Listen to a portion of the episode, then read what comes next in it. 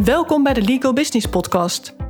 De podcast voor advocaten en legal professionals met passie voor het vak en de ambitie om zich verder te ontwikkelen op businessvlak. Ik ben Marloes Kuipers en in deze podcast deel ik waardevolle tips, inzichten en strategieën die jou gaan helpen om het maximale uit je carrière of kantoor te halen.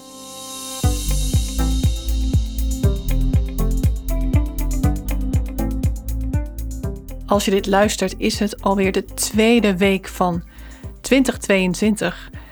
En voor je het weet, komt er niets terecht van al je goede voornemens, van al die doelen die je hebt gesteld. In het afgelopen jaar, of in ieder geval de afgelopen maand, heb je natuurlijk heel veel gehoord over doelen stellen, doelen behalen. Ik heb er zelf natuurlijk ook aan meegedaan met mijn vorige aflevering, of eentje daarvoor geloof ik. Maar nu, nu komt het erop aan, wat ga je maken van dit nieuwe jaar? Dit jaar vol met kansen, met nieuwe mogelijkheden, ondanks dat er misschien ook beperkingen zijn. Maar hoe ga je daarmee om? Want we zitten allemaal met hetzelfde. We zitten allemaal met dezelfde beperkingen en hebben dezelfde kansen. Als ik terugkijk naar vorig jaar, wat ik zo al heb gedaan met mijn klanten, met advocaten en juristen, in mijn trajecten, in mijn coaching en ook met alle gesprekken, dan is er mij één ding opgevallen. En dat is dat bijna iedereen die ik sprak echt gebaat is bij time management, bij productiviteit. Bij echt meesterlijk productief worden. Want denk maar na, een advocaat die onvoldoende cliënten heeft, die is vaak toch heel druk. En hoe kan dat nou? Dat is omdat ze alle tijd hebben. Alle tijd om de mailbox bij te werken. Alle tijd om na te denken. Alle tijd om iets te bedenken om aan nieuwe cliënten te komen. Alle tijd om een processtuk te perfectioneren. Zinnen nog weer mooier maken. Toch nog weer iets toevoegen. Toch nog weer iets weghalen. Je krijgt de dag wel vol.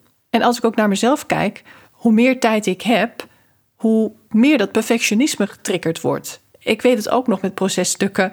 Ik kon er eigenlijk eindeloos aan sleutelen. Het kon altijd toch mooier. Toch nog dat woord even omwisselen. Ik noem maar iets. Twee keer hetzelfde woord vlak na elkaar is niet mooi. Kijk, zo kun je bezig blijven. Het zou veel beter werken als je echt een tijdsdruk hebt. Dat je weet van hé, hey, ik heb zoveel zaken. Dit moet allemaal af. Het is even belangrijk. Ik heb voor dit dossier maar 2,5 uur. En dan moet het klaar zijn. Dan kun je ineens wel prioriteren. Dan zie je ineens wel wat hoofdzaken is en wat de bijzaken zijn. Maar als die harde deadline er niet is, zie je dat mensen over het algemeen veel te veel tijd aan dingen besteden. Dus als iemand nu onvoldoende cliënten heeft en die wil er heel graag meer bij, dan zeg ik wel eens: wat nou als ik je nu 20 nieuwe cliënten zou kunnen aanleveren? Meteen, nu vandaag. Wat dan? Ben je dan in staat om ze ook te bedienen? Kun je die hoeveelheid nieuwe cliënten dragen? En dan is toch vaak het antwoord: ik denk het niet. En waarom niet? Omdat ze nu al veel te druk zijn. ze denken geen tijd te hebben voor die nieuwe cliënten, terwijl ze die wel nodig hebben. En terwijl het ook zou moeten kunnen. als je kijkt naar de totale omvang van een praktijk, nou, dan zijn er wel bepaalde standaarden voor wat zou moeten kunnen ook om een bepaalde omzet te behalen. Dus prioriteit nummer één voor deze mensen, voor deze advocaten, voor deze juristen, is zorgen dat je je tijd managt. Dat je weet hoe je de dingen moet doen. Hoeveel tijd je voor iets nodig hebt. En ook wat er meteen moet wijken op het moment dat je het drukken krijgt. Je moet dat inzicht hebben. Maar dan de andere kant, iemand die veel te druk is grote kans dat iemand niet heel efficiënt werkt. Nou, het kan zijn dat iemand echt als een geoliede machine functioneert, super efficiënt is. Kijk, iedereen heeft een max. Er is maar zoveel output wat er geleverd kan worden als je kijkt naar input. Maar over het algemeen zijn er maar weinig mensen bij wie geen verbetering mogelijk is op dat vlak. Dus iemand die super druk is, die is ook als eerste gebaat bij tijd vrijmaken. Inzicht creëren in waar gaat mijn tijd naartoe? En het grootste probleem is, ik ben nu te druk om me met zoiets bezig te houden, om te gaan meten, om te gaan kijken.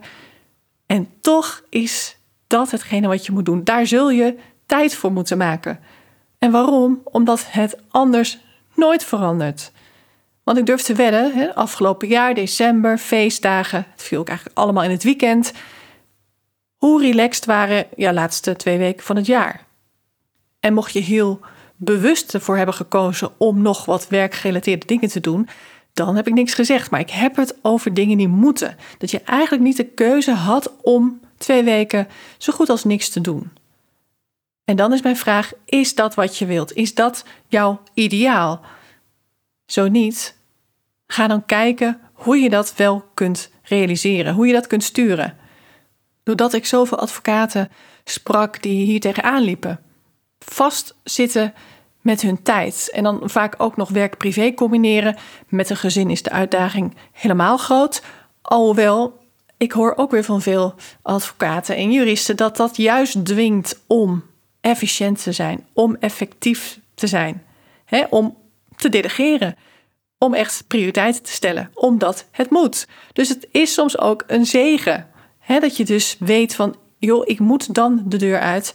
Het moet gewoon klaar zijn. En als je dus die deadline niet hebt, als je niet dat moment hebt van dan, dan moet ik mijn kind ophalen, ja, wat is dan het eindmoment van de dag? Is dat uh, zes uur? Is dat zeven uur? Gaat de laptop na het eten weer open? Zeg het maar. Daarom zeg ik ook altijd: zorg voor een vaste eindtijd. Als je merkt dat je nou ja, te druk bent en dat je meer met je werk bezig bent dan je zou willen, zorg dan voor een eindtijd. Net als dat je de wekker zet om te beginnen. Dat je zegt, nou, ik uh, vind het niet oké als ik langer in mijn bed lig dan en zo laat. Doe dat dan ook s'avonds. Zorg ervoor dat je een vast moment hebt waarop je je laptop dichtklapt. He, dat er alleen maar een echte, echte spoedzaak mag zijn, wat ervoor kan zorgen dat je dan toch nog bezig bent.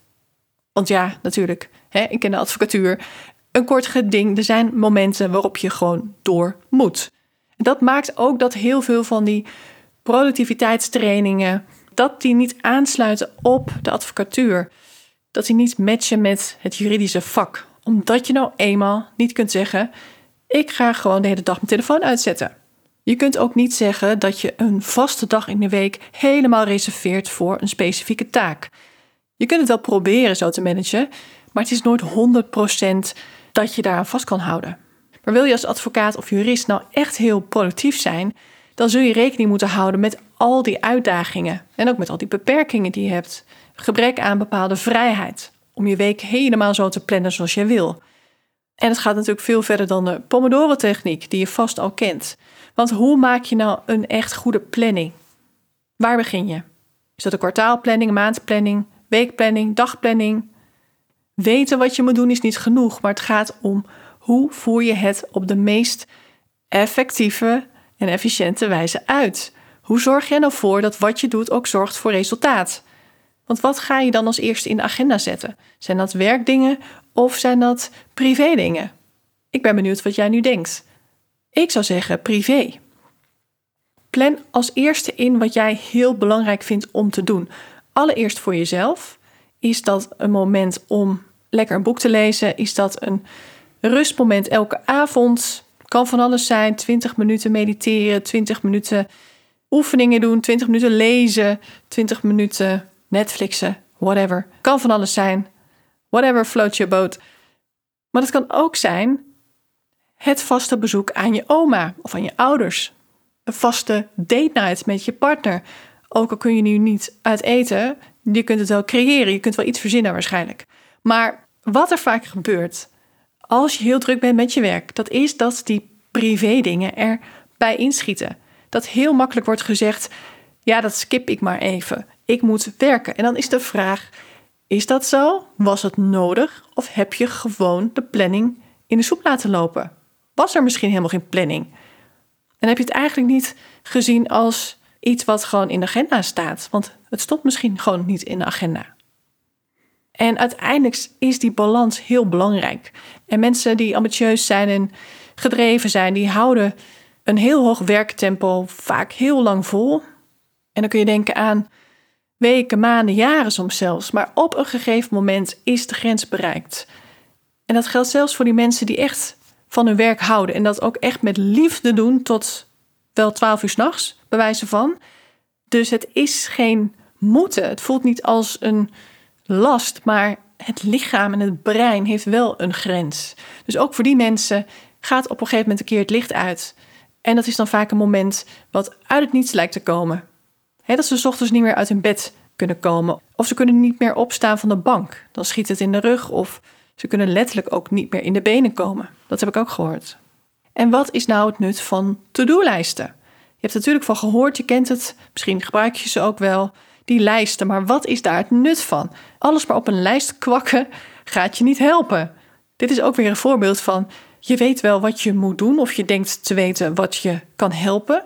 Maar helpt het je ook? Heb je echt wat aan die to-do-lijst? Kun je die ook echt afvinken? Geeft het je rust in je hoofd? Krijg je meer gedaan? Of zou je weer moeten kijken, hoe moet zo'n to-do-lijst eruit zien? Wat moet daarop? Hoeveel punten moeten daarop? En moet je dan ook niet een not to-do list hebben? Ik denk van wel, want je zult onderscheid moeten maken tussen wat belangrijk is en wat niet belangrijk is. En dat onderscheid, dat zul je scherp moeten hebben. Maar zo werkt jouw brein niet. Alles in je hoofd lijkt even belangrijk. Je kunt ook van iets onbenulligs in één keer opvliegen in bed en denken: Oh, dat moet ik nog doen. Maar ja, zo belangrijk is het eigenlijk niet. Maar toch, je brein vindt het belangrijk genoeg om je ervoor wakker te maken dus dat is wat ik bedoel met inzicht krijgen in wat belangrijk is. En dat krijg je door dingen op papier te zetten. Maar ook een lijst met dingen die je gewoon niet hoeft te doen. Misschien helemaal niet omdat een ander het kan doen. Misschien niet deze maand. Misschien niet dit kwartaal. Misschien niet dit hele jaar. Misschien is het iets voor over twee of vijf jaar. Zet het dan op een andere lijst. Op de not-to-do-list voor dit jaar dan ga je aan het eind van het jaar eens naar kijken van... hé, hey, wat wil ik hiervan meenemen naar het dan volgende jaar? En dan hebben we het over 2023. Kijk, zo ga je dingen uit je hoofd halen op papier... en dan kan het in de la. Hoef je niet meer over na te denken. En het zijn allemaal vrij simpele dingen... maar doe je het ook? Ik denk van niet. Merendeel doet dit niet. Er is ook een boek, The One Thing, van Gary Keller...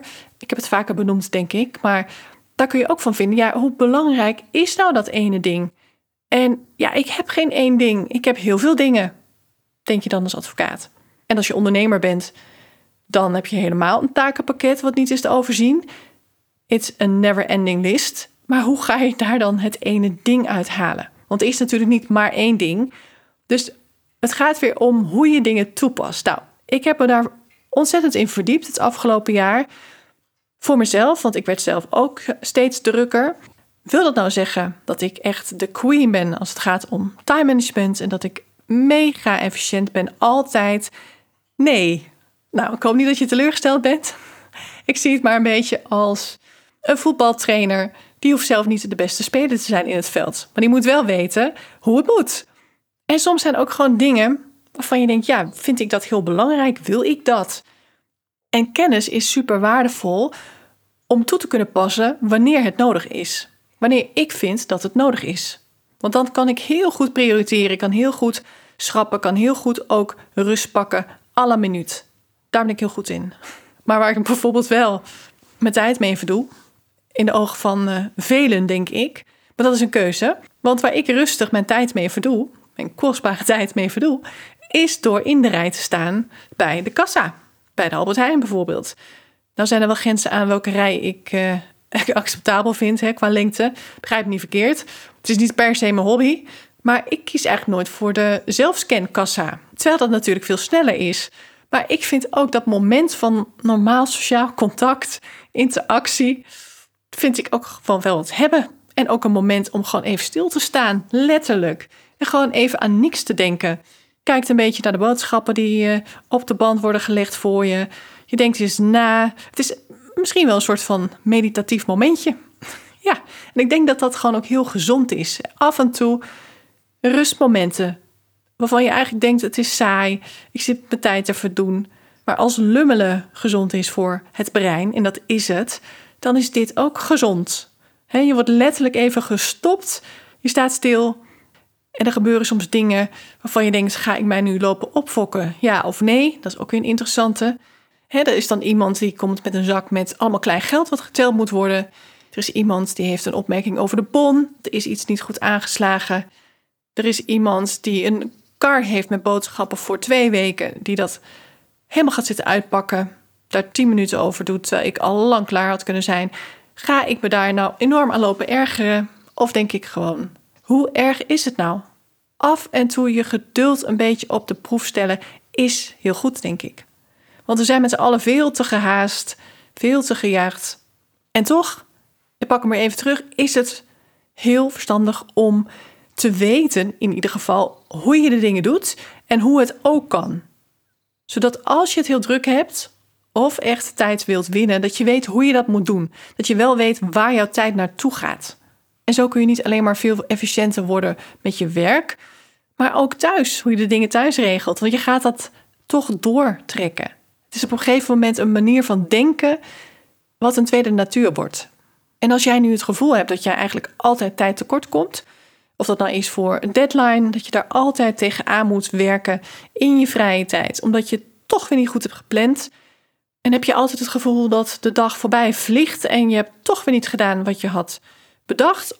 Of je hebt van tevoren niks bedacht, maar het valt er toch weer tegen. Dat je denkt, hmm, hoe kan het nou? Ik ben negen uur op kantoor geweest en ik heb mijn declarabele uren niet gehaald. Die hoor ik best vaak. Hoe kan dat nou? Ik heb inmiddels zoveel uitdagingen gehoord, zoveel onmogelijke situaties van ja, maar in mijn geval kan ik echt niet efficiënter werken en toch kon dat. Over het algemeen lukt het iedereen die mijn tips en strategieën toepast om een uur per dag te winnen. Nou, reken maar uit wat je dat oplevert aan extra omzet op jaarbasis. Dat is al zo'n 50.000 euro.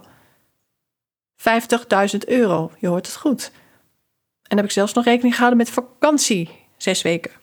En een niet al te hoog uurtarief.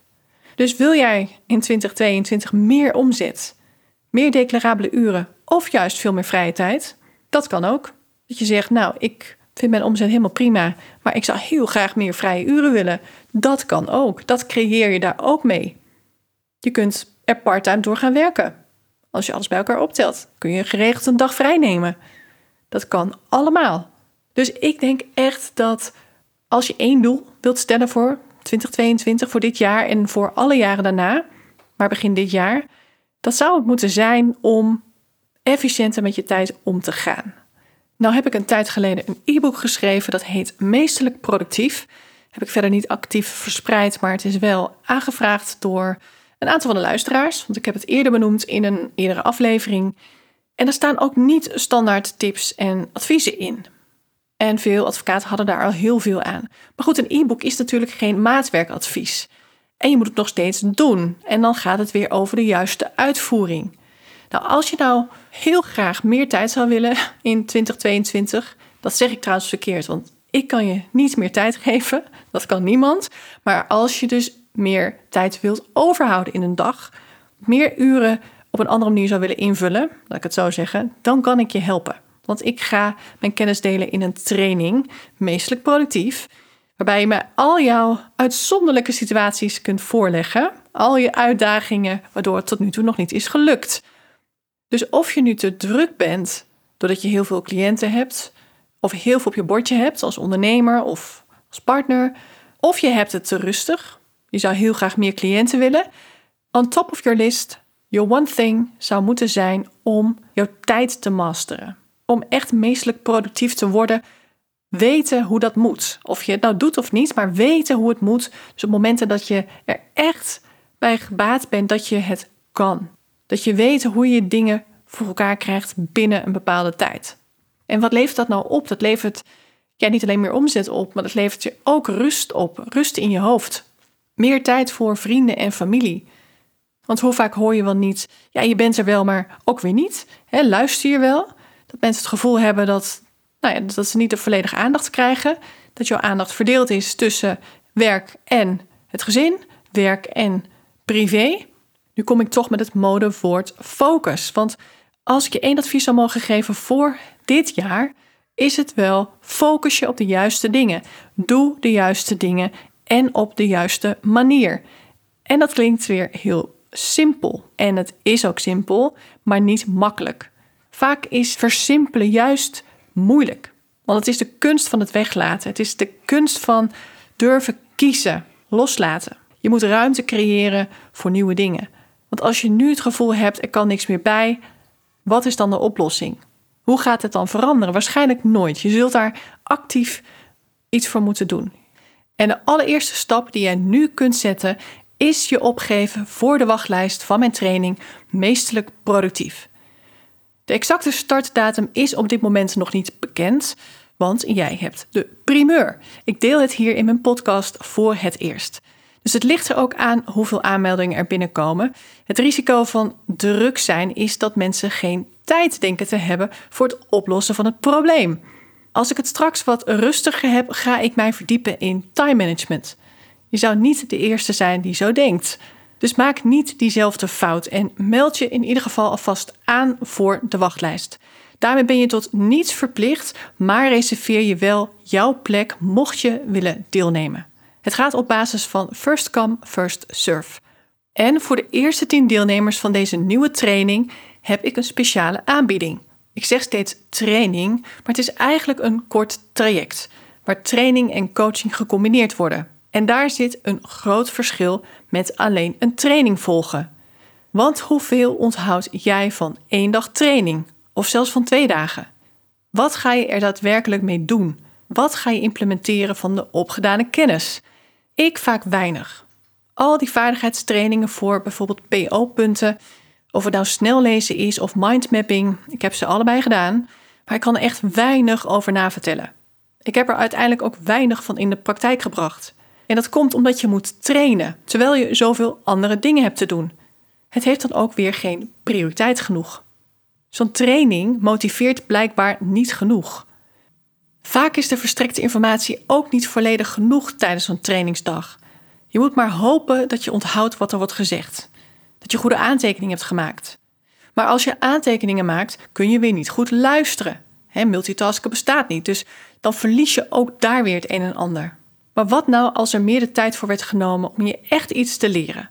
Dat alles in stappen grondig en volledig zou worden uitgelegd en dat je ook al jouw vragen zou kunnen stellen.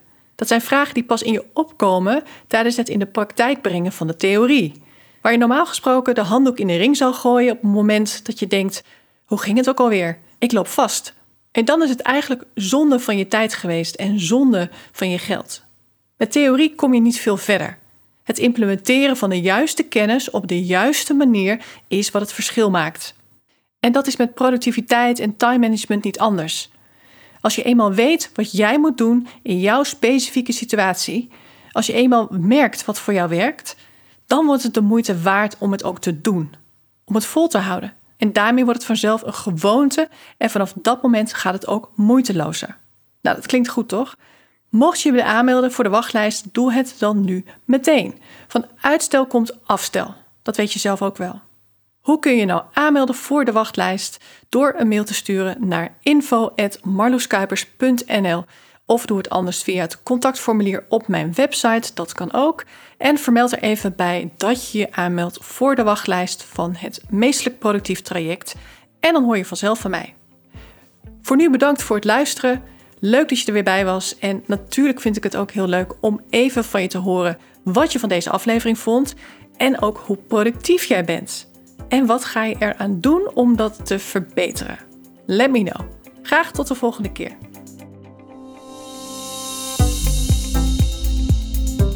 Dankjewel voor het luisteren. Mocht je deze podcast waardevol vinden, abonneer je dan of volg mijn podcast zodat je geen aflevering hoeft te missen. En deel hem ook vooral in je netwerk. Ook zou je mij een groot plezier doen met een 5-sterren review die je kunt achterlaten op iTunes. Niet alleen wordt de podcast dan beter gevonden, maar je helpt ook weer andere advocaten en juristen in hun reis naar succes en geluk. Uiteraard vind ik het leuk om te horen wat je meeneemt uit deze aflevering. Stuur me een bericht op LinkedIn of mail naar info.marloeskuipers.nl. Heb jij bepaalde ambities en wil je weten hoe ik jou zou kunnen helpen bij het verwezenlijken daarvan? Vraag dan een gratis meesterschapscall aan via mijn website. Ga naar www.marloeskuipers.nl. Alle informatie vind je ook in de show notes bij deze aflevering. Ik kijk er naar uit om van je te horen. Tot de volgende keer.